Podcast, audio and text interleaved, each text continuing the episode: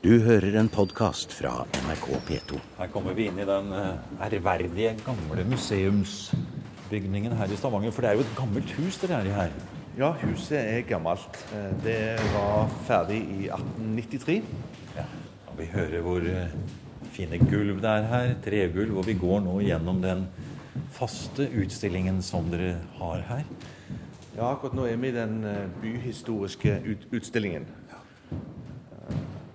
Vi er på vei fra oljebyen og til eh, noe helt annet. For det vi skal se på her i dag, det er jo en, eh, en eh, gjesteutstilling. En vandreutstilling. Utstillingen er direkte resultat av et stort internasjonalt EU-prosjekt, et forskningsprosjekt. Prosjektet var initiert av forskere ved Havforskningsinstituttet i Bergen. Eh, Og allerede tidlig i prosjektets planleggingsfase, eh, som var 2000-2001, så planla de altså store formidlingsaktiviteter. Bl.a. denne utstillingen. Nå har vi altså kommet inn i en sal her hvor, hvor det er noen helt utrolige gjenstander som står og ser på. Det er ikke gjenstander, det er preparater. Og det er på en måte som om vi er tilbake i den aller første tiden da på de zoologiske museene f.eks. Altså disse preparatene som man kan se. Men dette er jo helt nye ting som ingen mennesker har sett før. Ja, og det er som du sa, eh, de tidligere naturhistoriske utstillinger. Folk fikk komme og se eh, dyr de aldri hadde sett før. Og det er det akkurat her òg. Her er det fisk og blekksprut og sjøstjerner som de færreste har sett.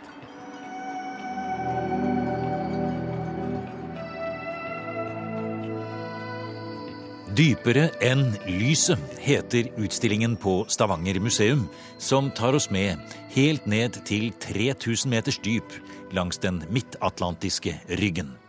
Ekomar heter dette EU-programmet, som har som mål å finne ut mer om økosystemene i de undersjøiske vulkanske lavaformasjonene som strekker seg fra Island og helt ned til Sørishavet.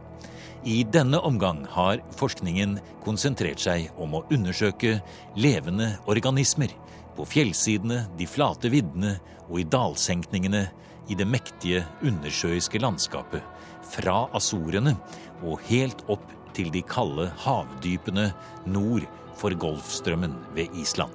Det er et veldig viktig eh, prosjekt. Det er for å få en forståelse for livet nede i dyphavet. Hvordan gjerne vi kan lage internasjonalt gode, bærekraftige forvaltningsplaner. Så dette er veldig, veldig viktig.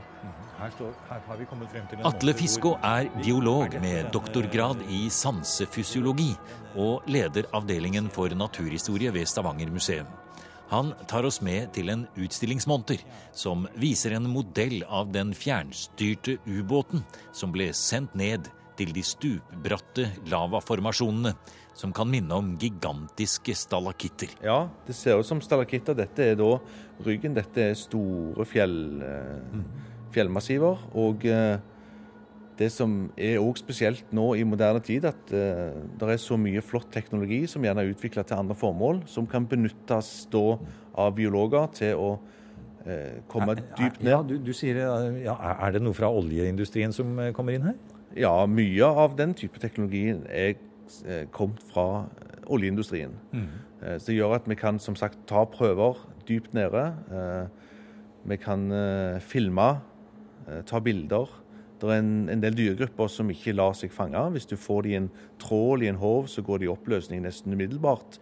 Mange geléaktige dyr, sånn som maneter f.eks., de vil du nesten ikke kunne identifisere når de kommer på de- på dekk. Derfor vil foto være veldig viktig òg som, en- som, som en metode. Og det med moderne kamera nå så er, det, er mulighetene mye mye større enn de hadde på tokt i 1910. Men for et landskap vi ser for oss her, med disse store ryggene. Og så skyter det opp eh, høye formasjoner, og det kommer kanskje også varm, varmt vann opp enkelte steder også, så vidt jeg forstår. Fra jordens indre, og gassformasjoner. det er jo, ja, Forklar oss litt om hva som er nedi der. Ja, det er et eh, veldig komplekst landskap. Eh, de, forskerne hadde ikke ikke gode kart engang når de skulle ned og ta prøver, så de måtte lage sine egne kart av dette landskapet. Og eh, det som du sier, det kommer opp mye varme gasser. Temperaturer opp i 400-500 grader. Siver rett ut i havet. med mye svovelforbindelser som, være, som, er grunnlag for en del bakterier. Sollyset når ikke ned der, men eh, en del bakterier kan utnytte energien fra disse hydrogensulfidforbindelsene og lage egne økosystem basert på det, og ikke basert på sollys. Det er ganske spesielle samfunn, men de er veldig eh, små i forhold til det andre tradisjonelle økosystem der nede, som baserer seg på sollys. Badet i et blått LED-lys møter de mest forunderlige og styggpene skapninger oss inni små kuber av glass, nedlagt i sukkerlake. Men en som ikke synes de skrekkinngytende preparatene er stygge i det hele tatt, er Atle Fiskå. Jeg syns de er veldig veldig fascinerende. Og det er ofte et resultat av evolusjon under ekstreme forhold. Det er veldig spesielt nede i dypet. Det er et stort trykk. Det er stummende mørke, som jeg nevnte, og det er veldig kaldt hele veien. Og eh, selv om det er spenning, eh, mange spennende skapninger som bor der nede, så er det av og til langt fra dem som de må eh, klare å ta et bytte når de ser det. Derfor er det ofte fisk kan ta eh, andre byttedyr som er like store som seg sjøl. Eh, de aller fleste av disse dyrene som lever 200 meter og dypere, har evne til å produsere lys, såkalt bioluminescens, for å kommunisere med artsfrender, for å lokke til seg bytte. Ja, mange måter de bruker dette lyset på. Jeg står og ser på en her. Er det Det er en svær Det ser ut som et hode, bare? Ja, det er en såkalt edderkoppfisk. Den er i slektning med breiflabb, som vi kjenner. Eh, men han har jo fått en sånn ekstrem tilpasning. Det ser som du sier, nesten ut bare som et stort hode og en stor munn. Eh, den har en sånn en, eh, et fiskeredskap festa mellom øynene som stikker litt ut foran kjeften, og den produserer lys som tiltrekker seg da byttedyr. Og når byttedyr er i nærheten, så bare åpner det munnen veldig fort, og så får du sånn vakuum, så det suger bare byttedyret rett inn. Og noen av disse her artene har, de er så ekstreme at hannene er veldig, veldig mye mindre enn huene. Og når de, en hann endelig finner en hund, så biter han seg fast og parasitterer og lever på hunden resten av livet.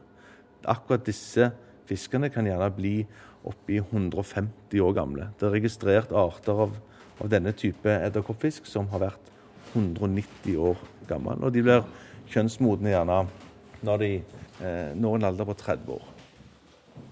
Vi går nå mellom bildene. Vi går dypere og dypere innover. Her har vi tegningene, ja. ja her er det, uh, Fantastisk. Vi bare fortsetter ja. innover. Tidligere så hadde Havforskningsinstituttet ansatt vitenskapelige illustratører for å dokumentere eh, alle disse biologiske skapningene som kom opp. Og Havforskningen var jo veldig tidlig ute og hadde et stort tilsvarende forskningstokt i 1910 Uh, og der har Og det er disse tegningene Det er? Disse tegningene er originaltegningene ah. fra Så det knytter seg an til den, det første toktet i 1910, mm. altså for 100 år siden? Som var initiert fra Bergen og Havforskningsinstituttet. Mm. Torolf Rasmussen var illustratør og hadde sin utdanning i vitenskapelige illustrasjoner da, fra, fra, Tyskland. Mm. Og var med og har satt ut på Disse tegningene fant de i Bergen nesten ved en tilfeldighet. Disse originaltegningene for en del år siden.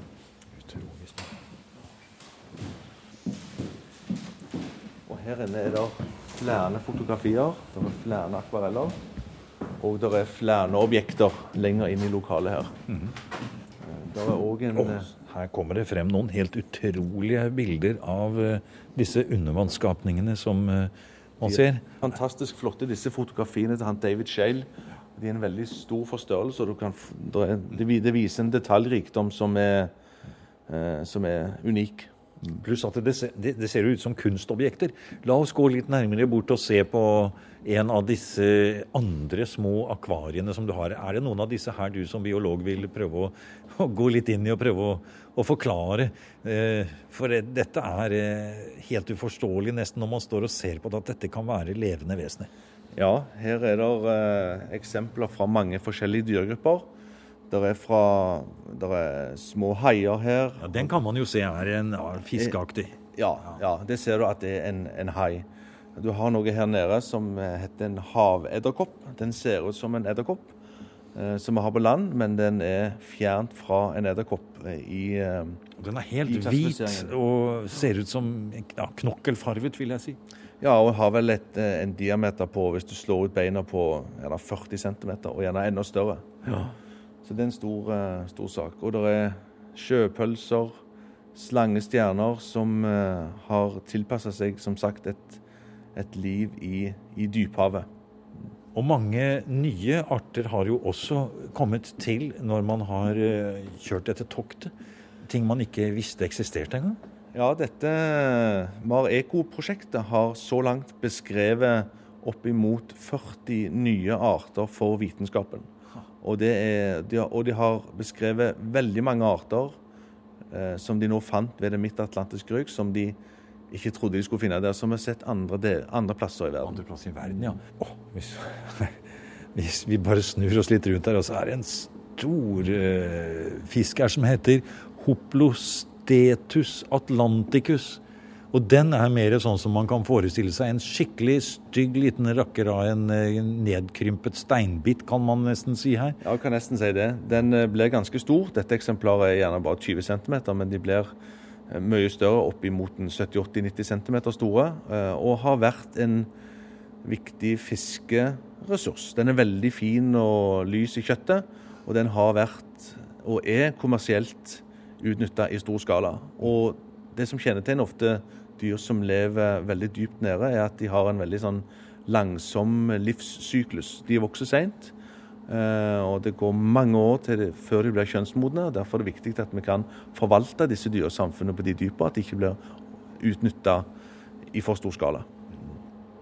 Ja, jeg er helt fascinert av dette her. Altså, disse, ja, det er, men man, jo, man må jo se, ser jo også dette at det er jo ikke mye farver her. Altså på disse som står i monterne, mens andre av disse levende vesenene som vi har sett på bildene rundt her, de er jo utrolig farverike. Men det er jo selvfølgelig for er, de lever jo i stummende mørke.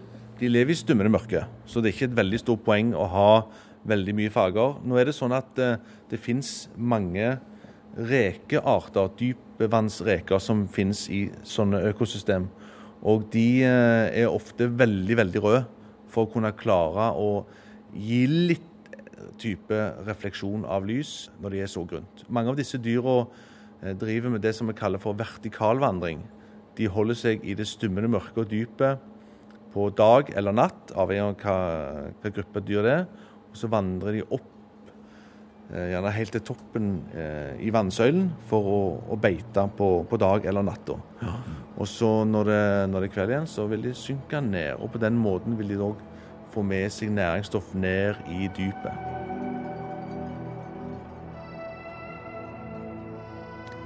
I millioner av år har disse skapningene levd sine usynlige liv i de store havdypene. Og hvis det er slik at noen av dem kommer opp til overflaten en gang imellom, til menneskenes verden, så er det kanskje ikke så rart at det har dannet seg mange forestillinger i folkeminnet og i den muntlige fortellertradisjonen. Og på utstillingen Dypere enn lyset på Stavanger museum har dykker og marinarkeolog Endre Elvestad tatt tak i nettopp denne delen av havets mysterier. For det er nok ikke bare Olaus Magnus på 1500-tallet og Erik Pontoppidan som for øvrig skrev det aller første naturhistoriske verk om Norge allerede på 1700-tallet, som fullt og fast trodde at f.eks. enorme sjøormer som kunne spise skip og mannskap, helt sikkert fantes der ute et sted. Og kanskje noen av disse forestillingene lever den dag i dag, sier marinarkeolog Endre Elvestad.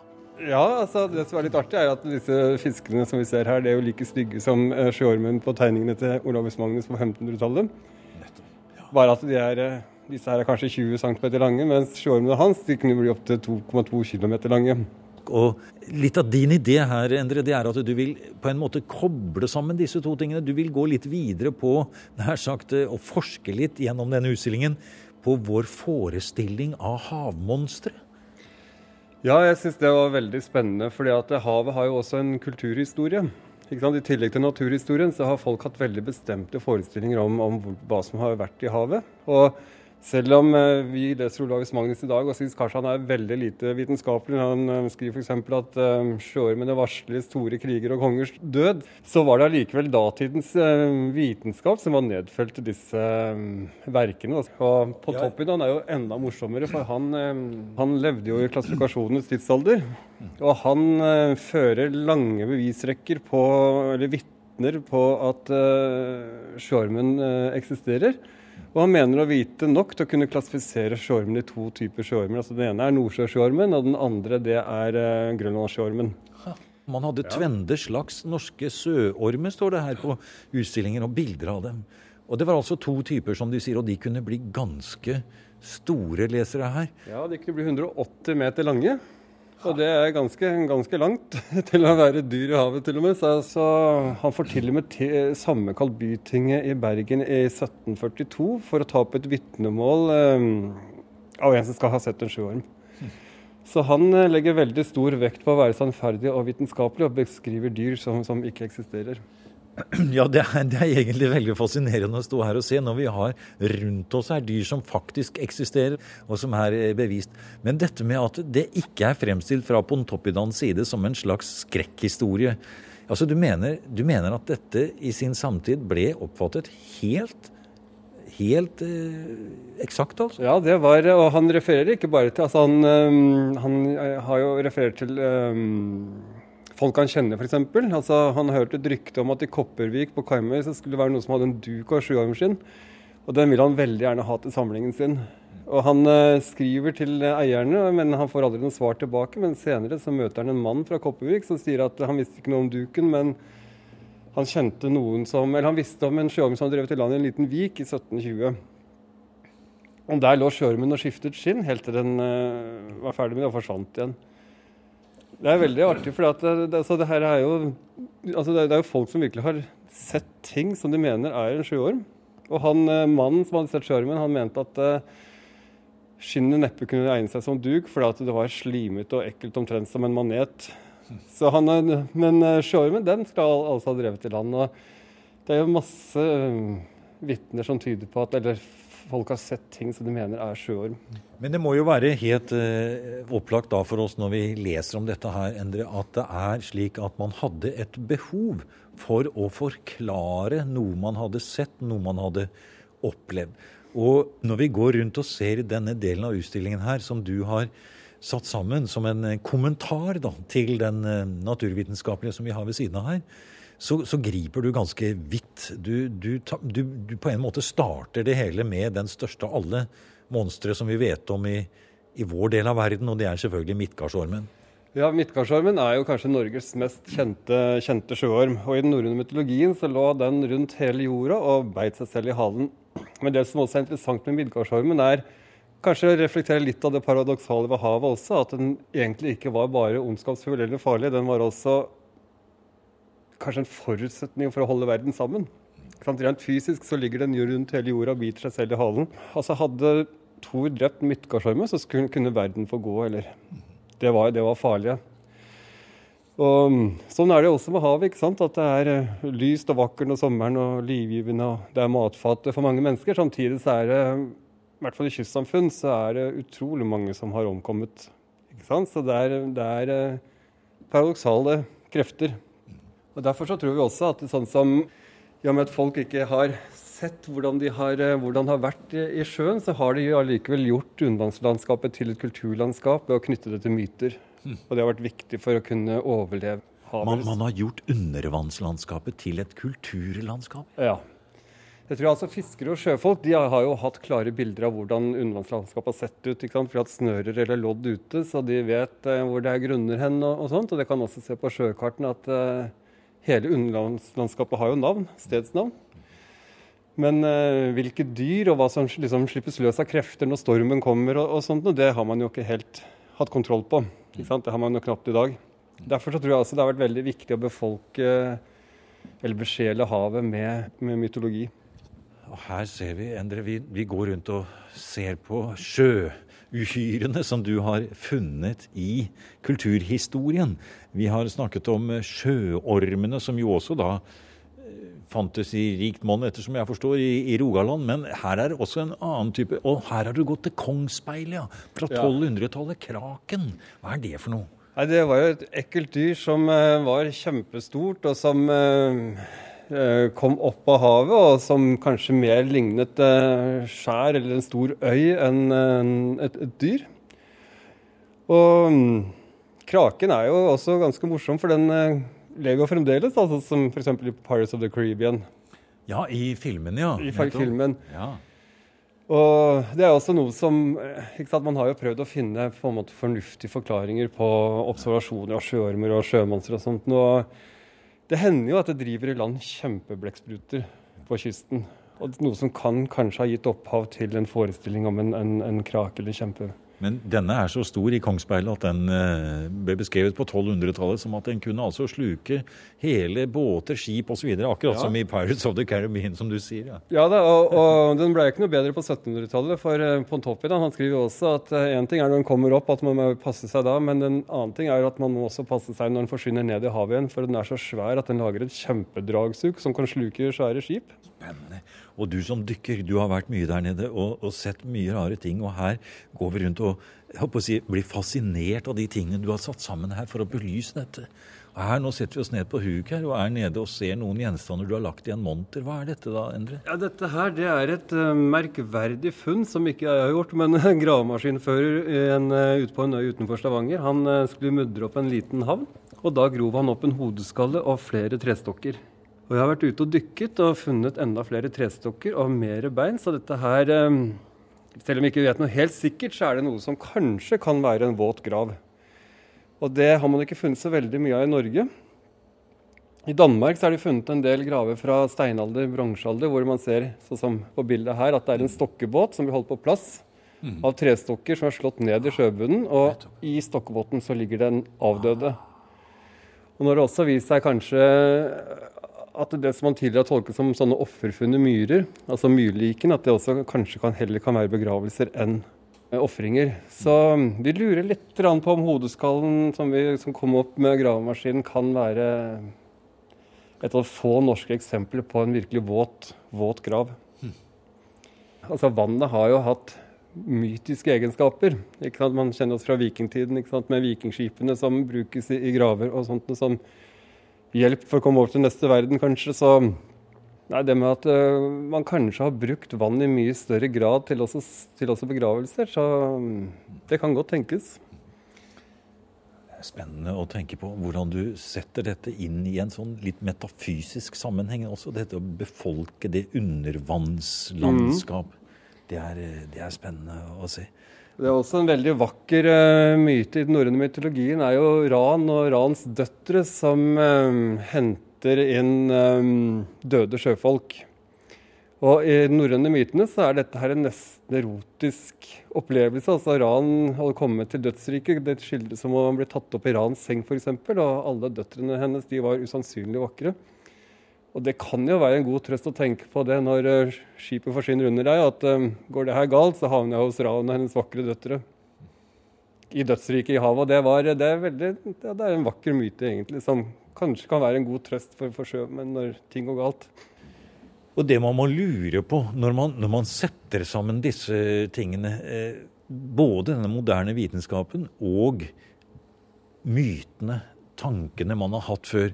Så hvis, hvis vi skulle starte med deg, Atle. Altså, du som er biolog. Du har vel også sperret øynene opp når du har sett noen av disse funnene som er fra den vitenskapelige verden. Er det virkelig mulig? Finnes det slike skapninger? Og det å gi rom for undring, det er jo ikke noe som vitenskapen som regel gjør. De skal undersøke helt bestemt hva det er.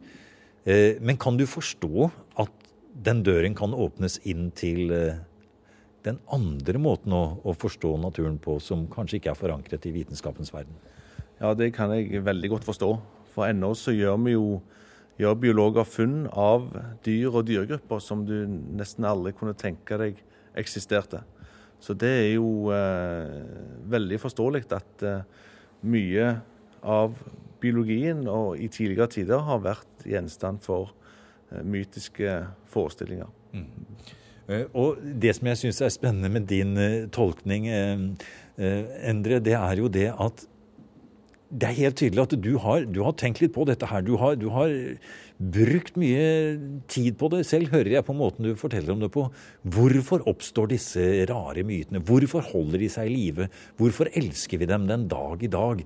Altså, Du fører jo nå bevis her for at du går helt tilbake til steinandelen og de våte gravene, gjennom Edda-diktningen og frem i middelalderen osv. Hva er det som gjør at eh, menneskene har et så utrolig behov for å besjele og befolke de usynlige kreftene i havet? Altså Det som den utstillingen viser veldig godt, det er jo kanskje det at havdypene er jordas siste villmark. Ikke sant? Det har vært mennesker, altså Nå går det jo pakketurer til både mot Everest og til, til polene, mens eh, de store havdypene, der er det fremdeles ukjente landskaper som ingen har sett. Og det kan også være arter som ingen har sett, og det tror jeg gjør at hav, havet blir veldig fascinerende. Altså, det er rett og slett jordas siste villmark. Du har nå hørt programmet Museum som podkast fra NRK. Museum sendes i NRK P2 på lørdager og søndager. Du finner flere programmer på nrk.no podkast.